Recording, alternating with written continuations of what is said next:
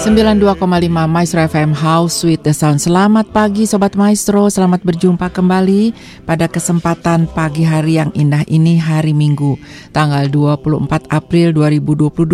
Saya Mitzi Anggriani kembali menemani Sobat Maestro di mana pun berada. Bagaimana kabarnya pada pagi hari ini?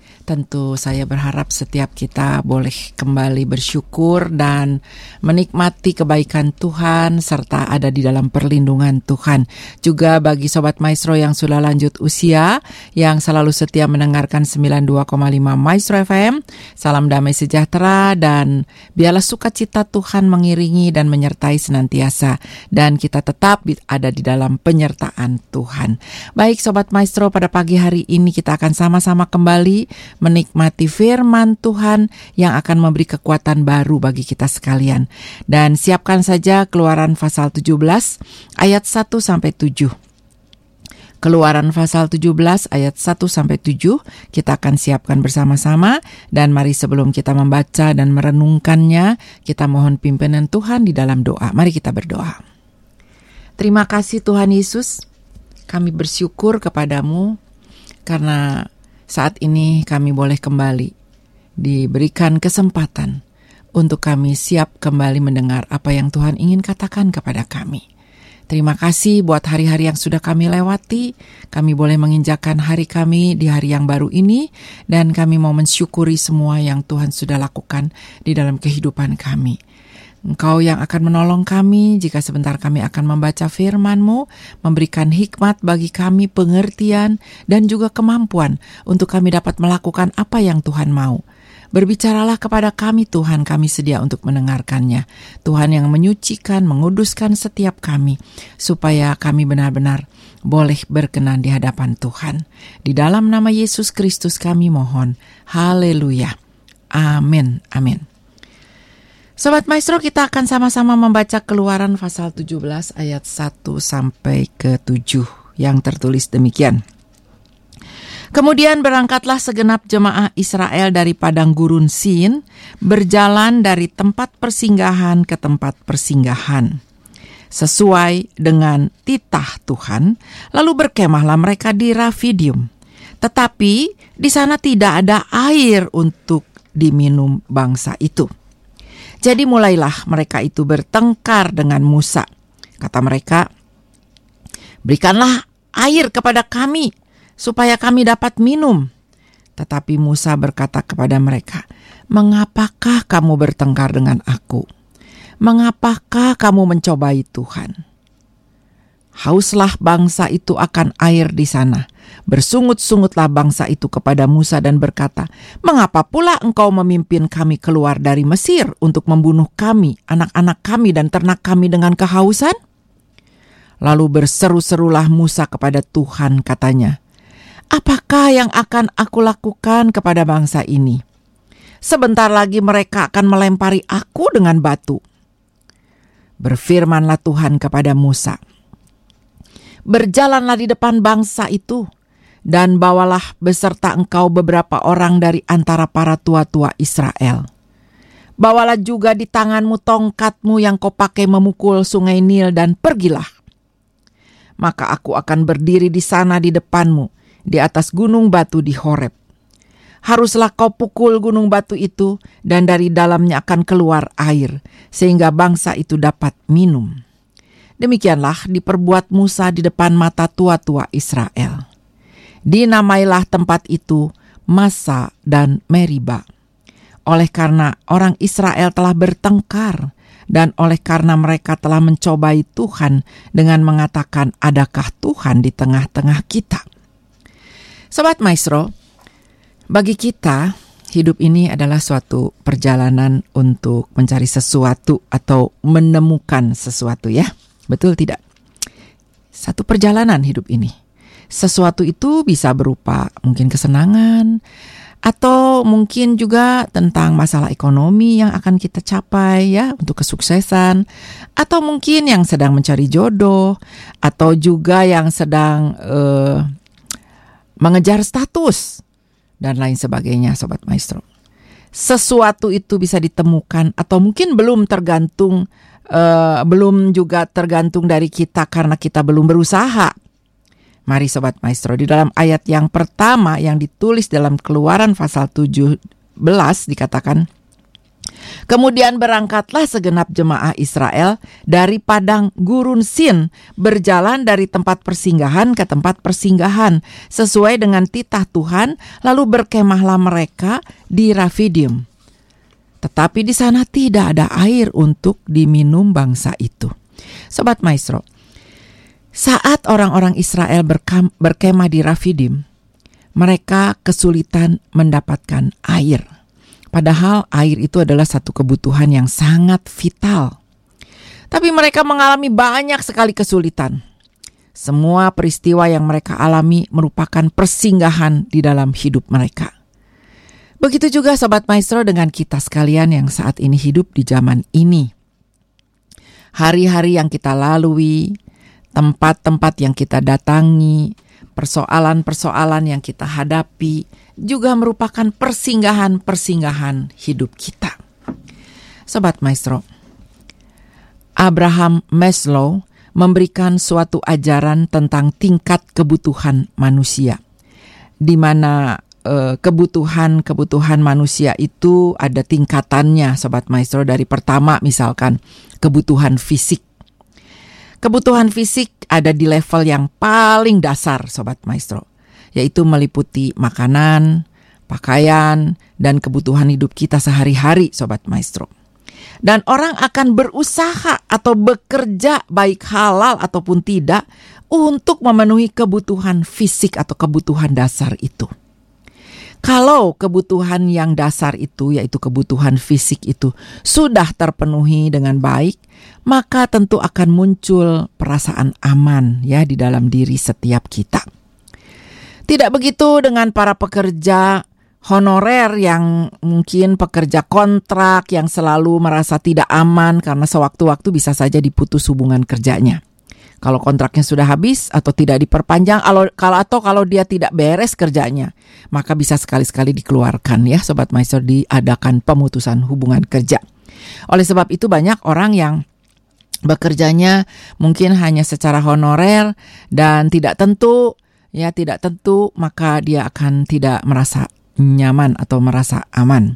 Karena itu para pekerja honorer dan juga para pekerja kontrak biasanya akan berusaha untuk diangkat menjadi karyawan tetap atau mencari pekerjaan sambilan untuk memenuhi kebutuhan dasar hidupnya. Nah, sobat maestro, tentunya setiap kita juga punya ya kebutuhan fisik yang menjadi sebuah kebutuhan dasar karena kita memang masih hidup di dalam dunia ini. Kita butuh makan, kita butuh pakaian, kita butuh untuk kehidupan kita sehari-hari. Sehingga kita bisa merasa aman, bisa merasa nyaman ya sobat maestro. Apabila kebutuhan level yang pertama ini terpenuhi, maka dia akan meningkat kepada kebutuhan yang selanjutnya yaitu kebutuhan sosial. Kebutuhan sosial itu meliputi kebutuhan kita untuk berhubungan dengan orang lain. Misalnya kita bertetangga, punya komunitas, kita berteman ya, kita ingin bergaul dengan punya teman ya dengan pekerjaan yang baik, kita bisa merasa bahwa kita ini dihargai oleh lingkungan kita. Nah, banyak dari antara kita juga tidak bisa tentunya hidup sendiri. Ya kita perlu teman. Kita perlu berhubungan dengan atau berelasi dengan orang-orang di sekitar kita. Bersyukur sobat, sobat maestro dalam saat-saat pandemi dua tahun yang sudah lewat kita lewati semua kita tidak lepas dari kebutuhan sosial ini ya. Karena eh, sekarang alat-alat media sosial sudah canggih maka setiap kita masih tetap walaupun tinggal di rumah saja masih tetap bisa berhubungan uh, sosial, bisa berelasi lewat WhatsApp, lewat IG, lewat apa saja yang kita bisa lakukan dan kita masih bisa berelasi, masih bisa kebutuhan sosial kita terpenuhi. Bahkan sobat maestro kalau kita lihat sekarang bisnis-bisnis sudah dilakukan lewat online ya. Sehingga tidak perlu lagi susah-susah ya buka uh, tempat untuk sewa yang mahal. Lalu kemudian kita harus mungkin mungkin kalau kita berdagang berusaha dan lain sebagainya. Semuanya bisa dilakukan lewat online. Sehingga saat-saat pandemi seperti ini pun sobat maestro kebutuhan secara uh, fisik yang menjadi kebutuhan dasar, juga kebutuhan merasa aman yang juga mungkin kita butuhkan dengan uh, kemantapan atau uh, kebutuhan-kebutuhan yang sehari-hari dan juga kebutuhan sosial bisa terpenuhi ya. Sobat maestro lalu apalagi sobat maestro kalau kebutuhan yang tadi saya sebutkan itu sudah terpenuhi? Seseorang tentu akan naik ke level berikutnya yaitu kebutuhan status sosial ya. Nah, sobat maestro, manusia itu punya kecenderungan untuk selalu meningkatkan status sosialnya. Tapi tanpa kita sadari, peningkatan status, uh, status sosial itu biasanya diiringi dengan perubahan pola pikir dan juga sikap hidup. Sebuah keluarga ketika hidupnya masih pas-pasan, biasanya hidupnya rukun, ya sobat maestro saling tolong menolong, ya saling mengerti, ya. Tapi setelah seseorang menduduki jabatan penting misalnya, atau punya banyak uang, biasanya perubahan terjadi, sobat maestro. Apakah orang itu jadi lupa diri atau menjadi sombong sehingga keluarganya jadi berantakan, punya kebutuhan-kebutuhan yang lebih yang tadinya tidak ada kebutuhan itu tapi karena status sosialnya menuntut atau mungkin dirinya sendiri menuntut supaya status sosialnya naik terus atau dipertahankan, maka ada kebutuhan-kebutuhan yang tadinya tidak seharusnya tetapi sekarang harus ya. Jadi itulah yang membuat akhirnya banyak orang jadi berubah pola pikirnya, berubah keadaannya, sikap hidupnya bahkan berubah. Yang tadinya rendah hati menjadi sombong ya, menjadi lupa diri dan lain sebagainya. Nah, kita harus hati-hati sobat maestro. Apakah ada perubahan status sosial yang membuat menjadi berubah pola pikir dan sikap hidup di dalam hidup kita? Mungkin kita sedang naikkan level hidup kita. Sobat maestro, kalau status sosial atau harga diri sudah tercapai, seseorang itu sampai pada satu level tertinggi, yaitu aktualisasi diri atau mencari makna hidup. Sobat maestro salah tidak? Kalau kita mencari aktu atau mencari makna hidup, tidak salah sebetulnya.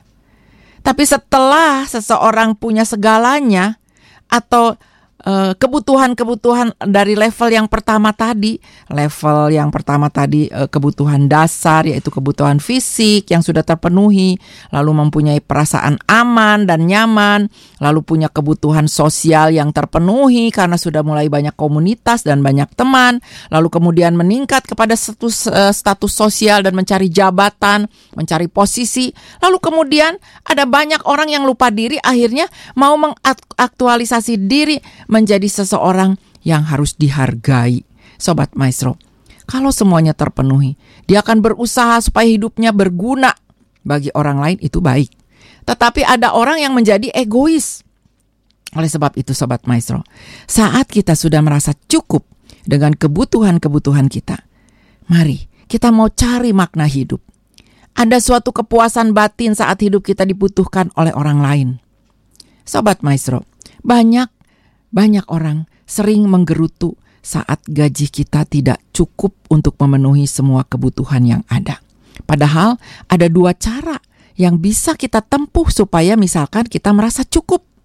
Yang pertama, bekerjalah lebih rajin, bekerjalah lebih keras untuk mendapatkan apa yang menjadi kebutuhan kita supaya kita bisa memenuhi kebutuhan kita terpenuhi ya sobat maestro. Yang kedua, kita belajar juga menurunkan standar kebutuhan. Sobat Maestro, kebutuhan sebenarnya adalah sesuatu yang penting yang membuat manusia menjadi utuh sehingga Tuhan bisa menyelesaikan rencananya lewat kita. Lain halnya dengan keinginan. Keinginan adalah sesuatu yang tidak terlalu penting, namun bisa dinikmati. Contohnya, saat kita belanja ya Sobat Maestro dari rumah kita sudah berencana, misalkan sudah dicatat belanja ini dan itu ya, kebutuhan sehari-hari. Tapi kadang-kadang Apalagi kalau sekarang kita perginya ke mall ya, ke supermarket ya tanpa tidak harus bicara dengan orang lain, kita hanya bicara dengan diri kita sendiri.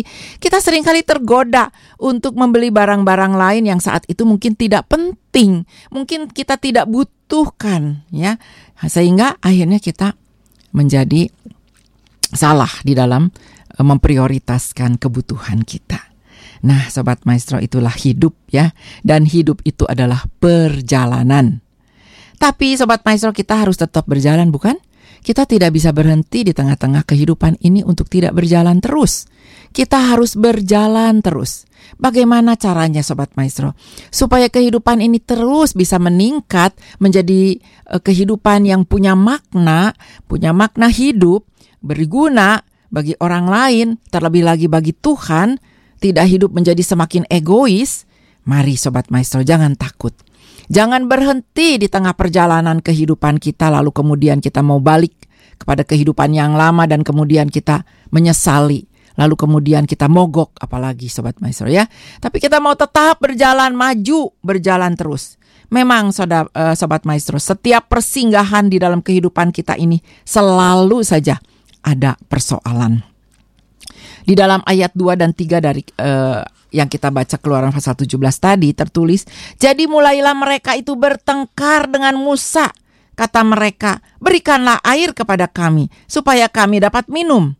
Tetapi Musa berkata kepada mereka, "Mengapakah kamu bertengkar dengan aku? Mengapakah kamu mencobai Tuhan?" Hauslah bangsa itu akan air di sana. Bersungut-sungutlah bangsa itu kepada Musa dan berkata, "Mengapa pula engkau memimpin kami keluar dari Mesir untuk membunuh kami, anak-anak kami dan ternak pak kami dengan kehausankah?" Sobat Maestro, kondisi Musa saat itu benar-benar terjepit. Dari atas dia harus taat kepada Tuhan. Sedangkan dari bawah dia ditekan oleh orang-orang Israel. Namun kadang-kadang memang Tuhan menggunakan keadaan yang menghimpit seperti yang uh, Musa rasakan dan alami. Supaya apa? Supaya kita berubah dan menjadi lebih baik. Pada dasarnya Sobat Maestro, setiap kita dalam kehidupan ini harus tetap berjalan dari persinggahan persinggahan hidup kepada persinggahan hidup. Dan kita harus ingat, lewat persinggahan-persinggahan itu, di mana kita harus tetap berjalan bukan berarti tidak ada tantangan. Seperti yang dialami Musa saat dia benar-benar terjepit, ditekan dari atas harus taat, sedangkan dari bawah juga orang Israel menekan dan menuntut. Tetapi Sobat Maestro, mari kita belajar untuk kita melakukan seperti juga apa yang Musa lakukan. Sobat Maestro pada dasarnya ada empat macam persoalan di dalam kehidupan kita ini. Yang pertama, persoalan yang diizinkan oleh Tuhan. Misalnya, saat Musa disuruh untuk membawa orang Israel itu keluar dari tanah Mesir, dia katakan pada Musa, Tuhan itu katakan atau Allah katakan pada Musa bahwa dia yaitu Allah akan mengeraskan hati Firaun. Dua hal yang kontradiktif bukan? Saat kita mengalami hal serupa dalam hidup, kita sering kali menggerutu.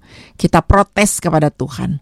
Padahal itu semua hanya karena kita belum mengerti tujuan Tuhan yang sebenarnya.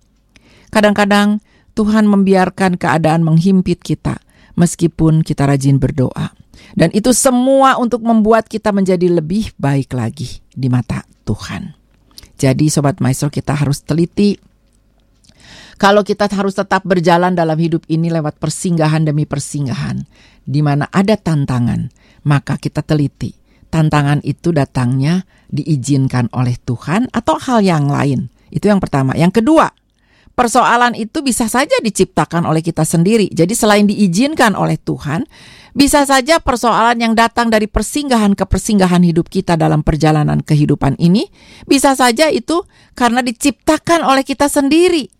Dari persoalan yang kita ciptakan sendiri itu sudah bisa dipastikan Sobat Maestro, kita akan menanggung akibatnya. Seringkali kita mengambil sebuah keputusan melakukan sesuatu tanpa runding dulu dengan Tuhan, ya, tanpa dengan hikmat Tuhan. Akhirnya kita kepentok ya, sobat maestro. Akhirnya kita menemukan jalan buntu. Ya, itu juga saya suka alami ya, sobat maestro. Kadang-kadang saya terlalu cepat untuk mengambil sebuah keputusan. Kadang-kadang tidak bergumul lama-lama ya. Kadang-kadang saya bertanya kepada Tuhan, tapi di dalam pikiran saya sudah punya konsep apa yang harus saya akan lakukan, sudah punya rencana. Jadi akhirnya saya lakukan dengan cepat, tanpa bergumul lama-lama, tanpa menunggu hikmat Tuhan turun. Akhirnya saya lakukan itu, tetapi ternyata salah. Akhirnya saya membentur, ya, membentur tembok dalam tanda kutip, ya. Akhirnya saya gagal akhirnya saya dirugikan. Sobat Maestro, pernahkah Sobat Maestro mengalami seperti itu? Persoalan di dalam kehidupan kita, dalam persinggahan kehidupan kita, dalam perjalanan kehidupan kita ini. Seringkali kita menemukan kegagalan. Kita membentur tembok dalam tanda kutip. Apakah itu persoalan, apakah itu kerugian, apakah kita ditipu orang ya. Karena mungkin kita kurang hikmat karena masalah itu diciptakan oleh diri kita sendiri. Kita salah, Sobat Maestro. Saya oleh sebab itu sering kali berkata sama Tuhan, Tuhan, kalau saya mau melakukan sesuatu, tolong supaya saya diberitahu, jangan sampai saya salah karena saya saya tahu saya sering salah, sobat maestro. Jadi saya katakan sama Tuhan, Tuhan tolong berikan hikmat, berikan kepada saya mengerti apa yang Tuhan mau. Kadang-kadang lebih banyaknya salahnya, sobat maestro, kalau kita melakukan sesuatu tanpa kita berhikmat kan tanpa kita bergumul dan berdoa kepada Tuhan ya. Akhirnya kita sering kali menciptakan masalah di dalam kehidupan kita diri kita sendiri. Dan kita menanggung akibatnya ya. Lalu apalagi sobat maestro?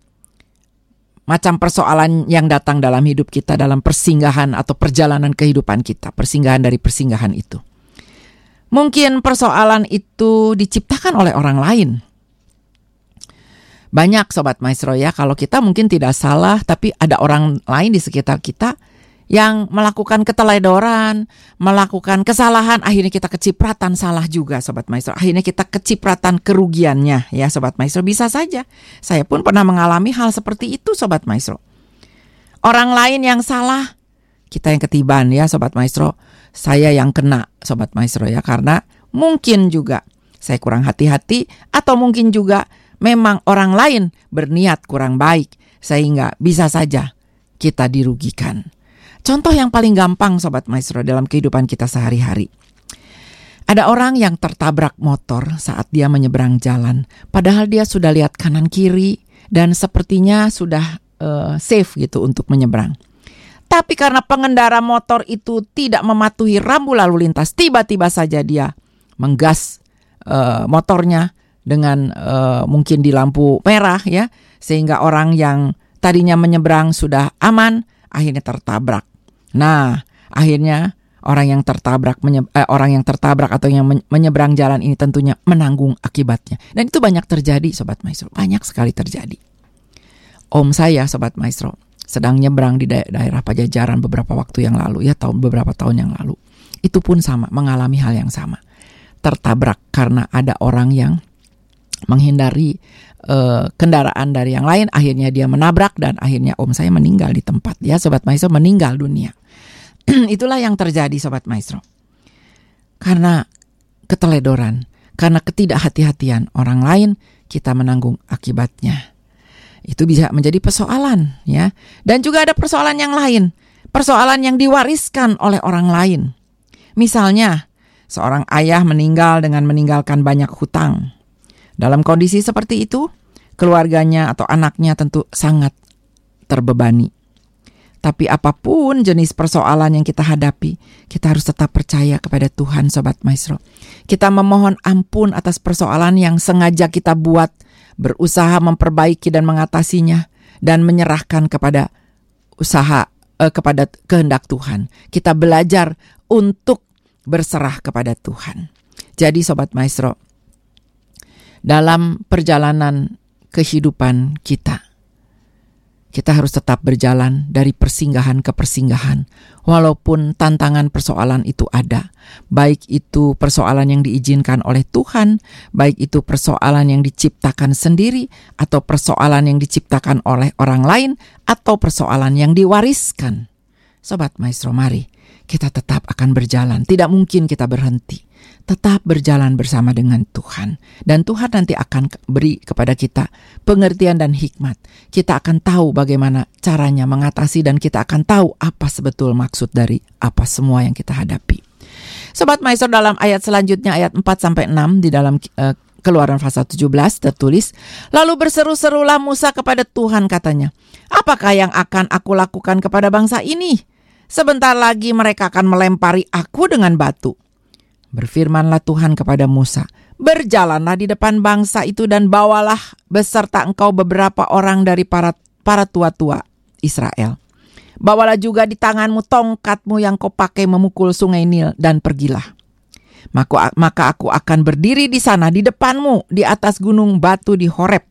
Haruslah kau pukul gunung batu itu dan dari dalamnya akan keluar air sehingga bangsa itu dapat minum.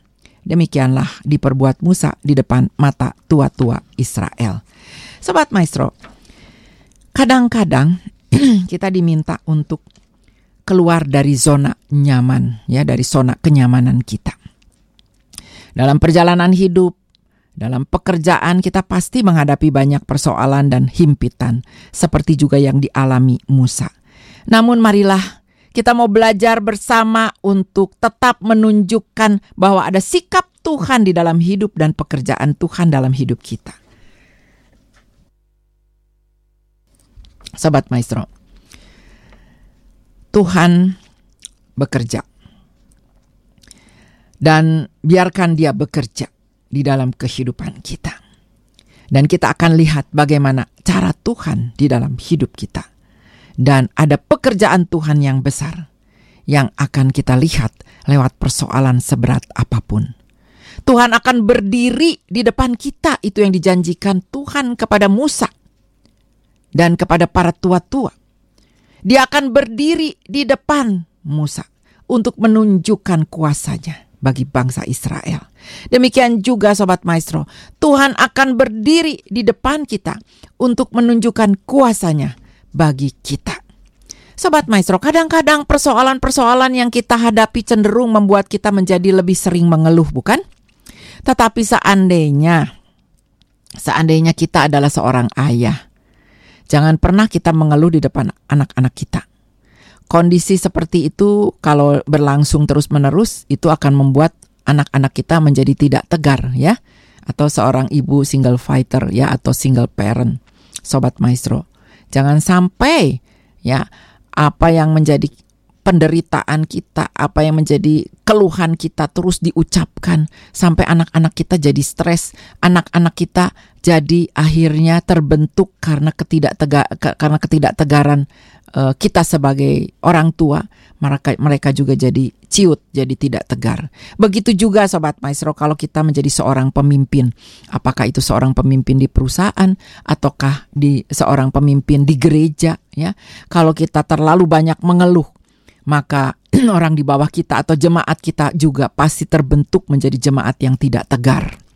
Sobat Maestro, sebagai pemimpin, kita harus tetap berdiri di depan dan kalau kita merasa kelelahan, maka Tuhan akan menggantikan kita untuk berdiri di depan.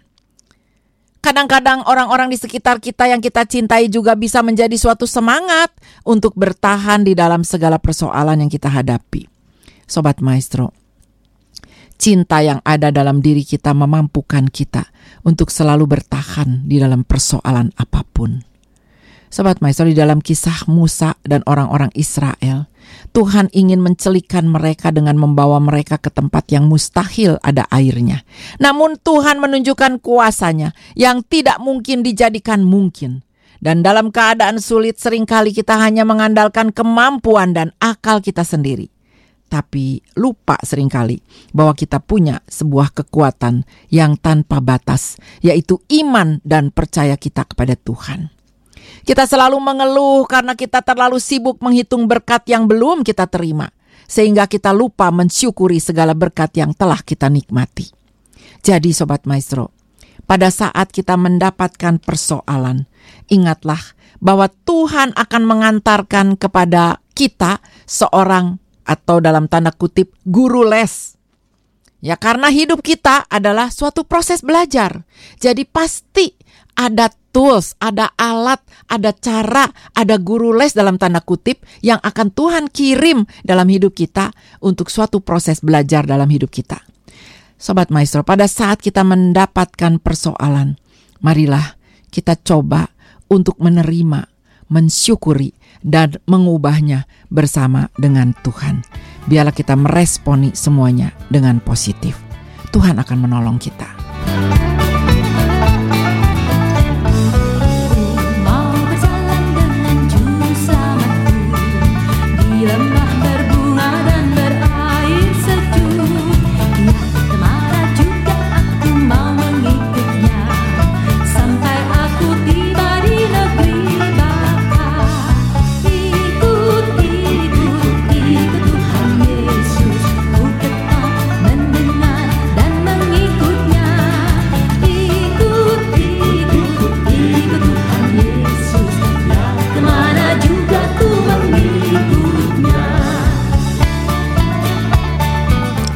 Sobat Maiso, sebuah uh, ketetapan, sebuah tekad, sebuah niat.